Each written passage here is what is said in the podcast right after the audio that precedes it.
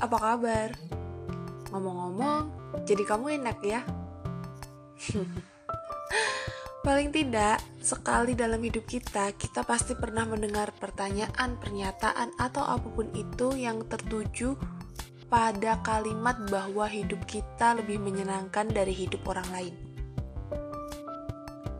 Namanya juga hidup dan kehidupan. Rumput tetangga akan selalu terlihat lebih segar. Kita akan selalu menginginkan apa yang belum kita punya. Apa yang kita punya akan terasa lebih berharga di mata orang lain. Dan kehilangan adalah pelajaran paling menampar untuk kita paling menampar untuk kita karena kita bisa menghargai apa yang masih menjadi milik kita. Untuk kita merasa cukup dengan apa yang kita punya. Untuk kita menggenggam apa yang memang menjadi milik kita dan melepas apa yang bukan untuk kita. Percaya atau tidak, kita tumbuh dewasa dengan didampingi kehilangan. Kita bisa setangguh ini karena kita membiasakan diri kita untuk tidak berekspektasi tinggi pada apa yang kita inginkan. Kita membiasakan diri kita untuk selalu siap bahwa kita akan merasa kehilangan. Karena sejak kecil, kita akan selalu dihadapkan dengan kehilangan-kehilangan. Seperti misal, kehilangan teman, waktu, kesempatan, kehilangan tempat ternyaman, binatang kesayangan, rasa percaya diri, kehilangan cara bahagia, pekerjaan, kepercayaan, bahkan kehilangan manusia yang kita harap akan selalu menemani kita. Dan pada akhirnya, kita selalu membenci perasaan kehilangan, kebergian, dan ditinggalkan. Tiga perasaan paling menyakitkan yang akhirnya berkumpul menjadi satu dan menjadikan kita sebagai manusia paling kesepian. Balik lagi, kamu mah enak, gak kayak aku.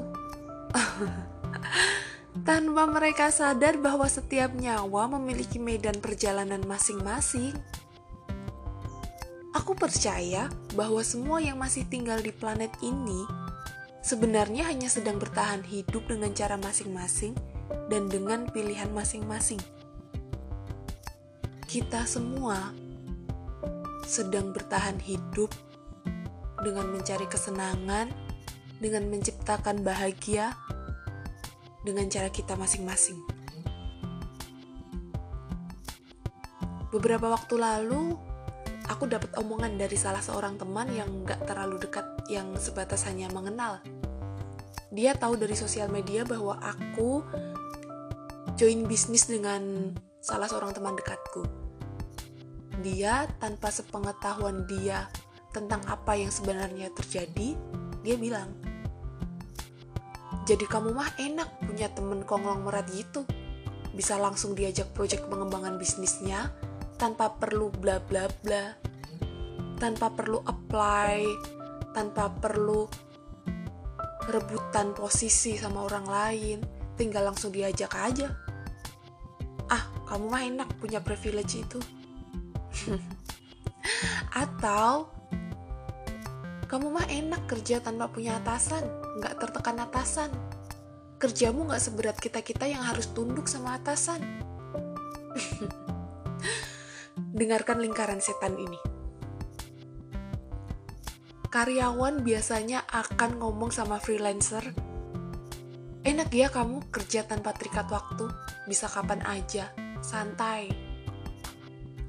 Terus, freelancer ngomong sama karyawan, kamu mah enak ya, setiap bulan udah pasti dapat gaji. Gak perlu pusing-pusing cari project. Lalu seorang karyawan ngomong sama wirausaha, jadi kamu enak ya, punya modal buat bikin usaha, penghasilannya gede, tanpa tertekan target dari atasan. Dan seorang wirausaha ngomong sama pegawai negeri, kamu mah enak, jaminan hari tua tuh udah bikin kamu tenang, gak perlu mikirin nanti pensiun gimana.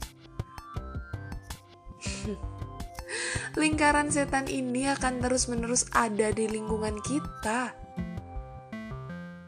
Sama kayak kita ngeliat anak SMA yang langsung kerja, kita bakal ngomong, kamu mah enak, lulus sekolah langsung kerja, penghasilan kamu gede nggak kayak aku yang sarjana tapi penghasilannya cuma segini.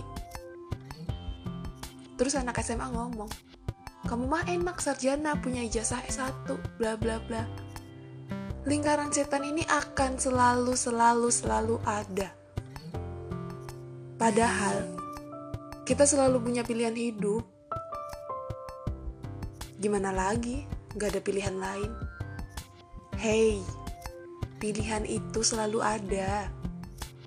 Hanya saja rasio perbandingan resikonya yang mungkin terlalu timpang sehingga kita selalu melihat mana pilihan yang resikonya paling aman dan menutup mata supaya kita tetap ada di zona aman kita. Supaya kita nggak ada pikiran apa aku ambil resiko yang lebih gede aja ya? Jadi seakan-akan ya ya udah tinggal satu ini doang pilihannya aku ingat pernah ada yang bilang gini ambil pilihan yang risikonya paling bisa kamu tanggung ini benar, kita biasanya selalu melakukan ini. Tapi, ketika seseorang memilih resiko yang lebih besar, yang kadang-kadang menurut kita itu terlalu beresiko bahkan nggak masuk akal, ya nggak apa-apa. Dia mungkin berpedoman bahwa kadang berlayar tanpa peta itu menyenangkan. Lagi-lagi, jalan kita nggak akan sepenuhnya sama jalan kita nggak akan sepenuhnya bisa kita bandingkan mana yang lebih nyaman dan mana yang lebih bahaya. Ada pilihan, pasti ada resiko. Ada sebab, pasti ada akibat. Ada kehilangan, pasti ada penerimaan. Semua sedang bertahan hidup. Semua sedang bertahan hidup jadi, kenapa seakan-akan hanya kamu yang sangat menderita, lalu dengan mudah memberikan label bahwa Tuhan jahat hanya karena kamu melihat hidup orang lain terkesan lebih mudah? Dunia memang tempat yang gak adil, dan kita yang harus membiasakan itu semua. Aku berani bilang bahwa dunia tempat yang tidak adil karena kita biasanya melihat ketimpangan hidup dari kacamata kita sesederhana kadang-kadang kita mendengar kalimat ini. Dia kayaknya jarang ibadah, tapi kenapa hidupnya nyaman-nyaman aja? Sedangkan aku udah bla bla bla, tapi nggak ada pencapaian yang gede. Sesederhana kita selalu bilang, dia mah enak terlahir cantik, privilege-nya gede, 50% masalah di hidupnya kelar kita selalu melihat bahwa dunia ini bukan tempat yang adil dari kacamata kita. Pada akhirnya, kita hanya perlu merasa cukup. Cukup menghakimi hidup orang lain terlihat mudah dan mulai berbenah. Tetangga punya halaman hijau yang menyegarkan, padahal kita sebenarnya punya kebun luas, tapi lupa buat nanam tanaman di dalamnya. Kalau belum mampu berhenti menghakimi hidup orang lain, coba cari hobi dan kesibukan-kesibukan lain, sampai akhirnya kamu gak punya waktu buat benci dunia. Karena kamu terlalu menikmati apa yang sedang kamu kerjakan. Kalau hidup orang lain terlihat mudah dan menyenangkan, itu karena dia terlalu rapi menyembunyikan babak belurnya. Kalau hidup orang lain terlihat penuh tawa dan bahagia, itu karena dia sudah paham bagaimana caranya menutup kesedihan di depan banyak orang. Kalau hidup orang lain terlihat penuh ketenangan, itu karena ia merasa cukup dengan apa yang ia punya. Ia berproses sedemikian rupa untuk paham bagaimana caranya mengontrol resahnya pada hidup. Kita semua punya keresahan sendiri terhadap hidup. Kita semua punya rasa khawatir kita tentang bagaimana nanti ke depannya. Hey, hidupmu itu juga seru kalau sepenuhnya kamu nikmati.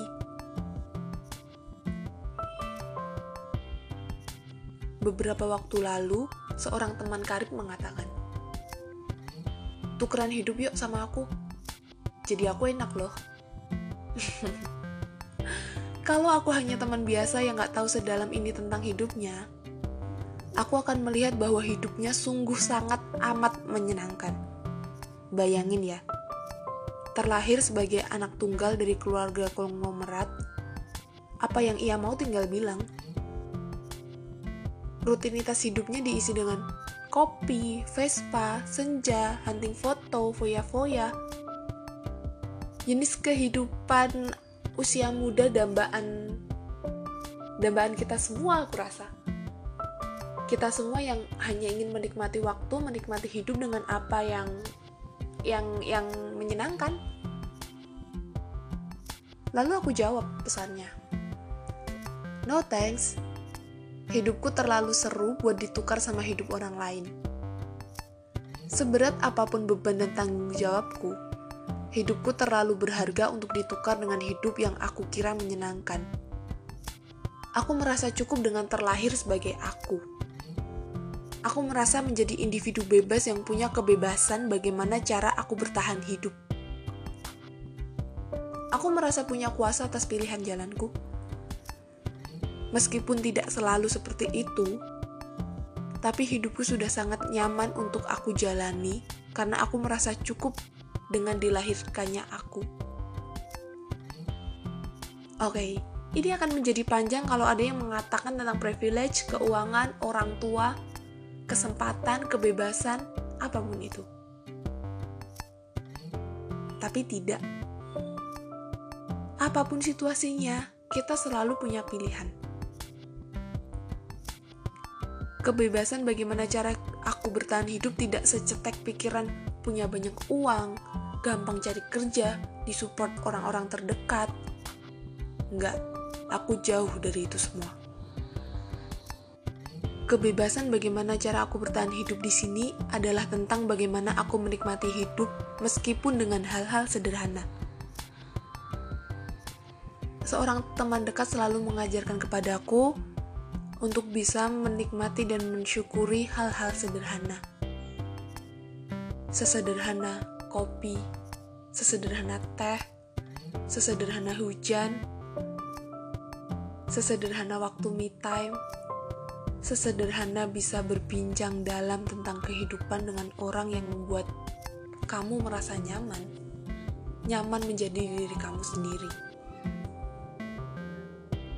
Tentang resiko yang berani aku ambil meskipun keputusanku tidak akan pernah bisa memuaskan semua pihak, terutama orang tuaku. Itu juga suatu kebebasan atas hidupku. Kita nggak akan pernah bisa memuaskan semua orang. Bahkan, ketika kita mengambil keputusan untuk diri kita sendiri, akan selalu ada orang-orang yang beranggapan bahwa keputusan kita salah, kita ada di salah jalur, seharusnya nggak begini, seharusnya nggak begitu. Tentang rutinitas hidup apa yang aku mau ambil tanpa dikontrol orang lain, itu juga kebebasan atas diri aku sendiri pilih ingin mengontrol diri kita atau dikontrol orang tua, pilih mau mengontrol diri kita sendiri atau dikontrol oleh society. Kita selalu punya pilihan. Jadi kamu enak ya? Iya, jadi aku enak. Maaf ya kalau jadi bikin kamu insecure sama hidupmu. Cobain deh hidup tanpa membandingkan diri sendiri dengan kehidupan orang lain, hanya untuk mencari pembenaran atas asumsi kamu bahwa hidupmu yang paling menderita. Iya, aku tahu porsi menderita setiap orang beda-beda dan kita akan selalu merasa bahwa hidup kita sangat berat. Tapi kalau kita selalu berpikiran hal-hal ini terus-menerus, kita akan lupa bagaimana cara mensyukuri hal-hal kecil kita akan selalu melihat hidup orang lain enak, tapi kenapa hidupku enggak? Sesekali merasa cukup dengan diri sendiri itu boleh kok. Untuk mengambil waktu sejenak dan bilang, kamu udah melakukan apa yang kamu bisa dengan baik. You did your best. Ambil waktu sejenak buat apresiasi diri, buat me time, rebahan, dengerin musik, bikin teh, lalu lanjut lagi melangkah untuk perjalanan yang lebih panjang. Gak ada hidup yang benar-benar menyenangkan 100% tanpa ada kesedihan di dalamnya. Kalau gak ada kesedihan di dalam sebuah perjalanan hidup, kita nggak akan pernah tahu definisi bahagia itu apa. So, jadi kamu itu nyenengin gak sih?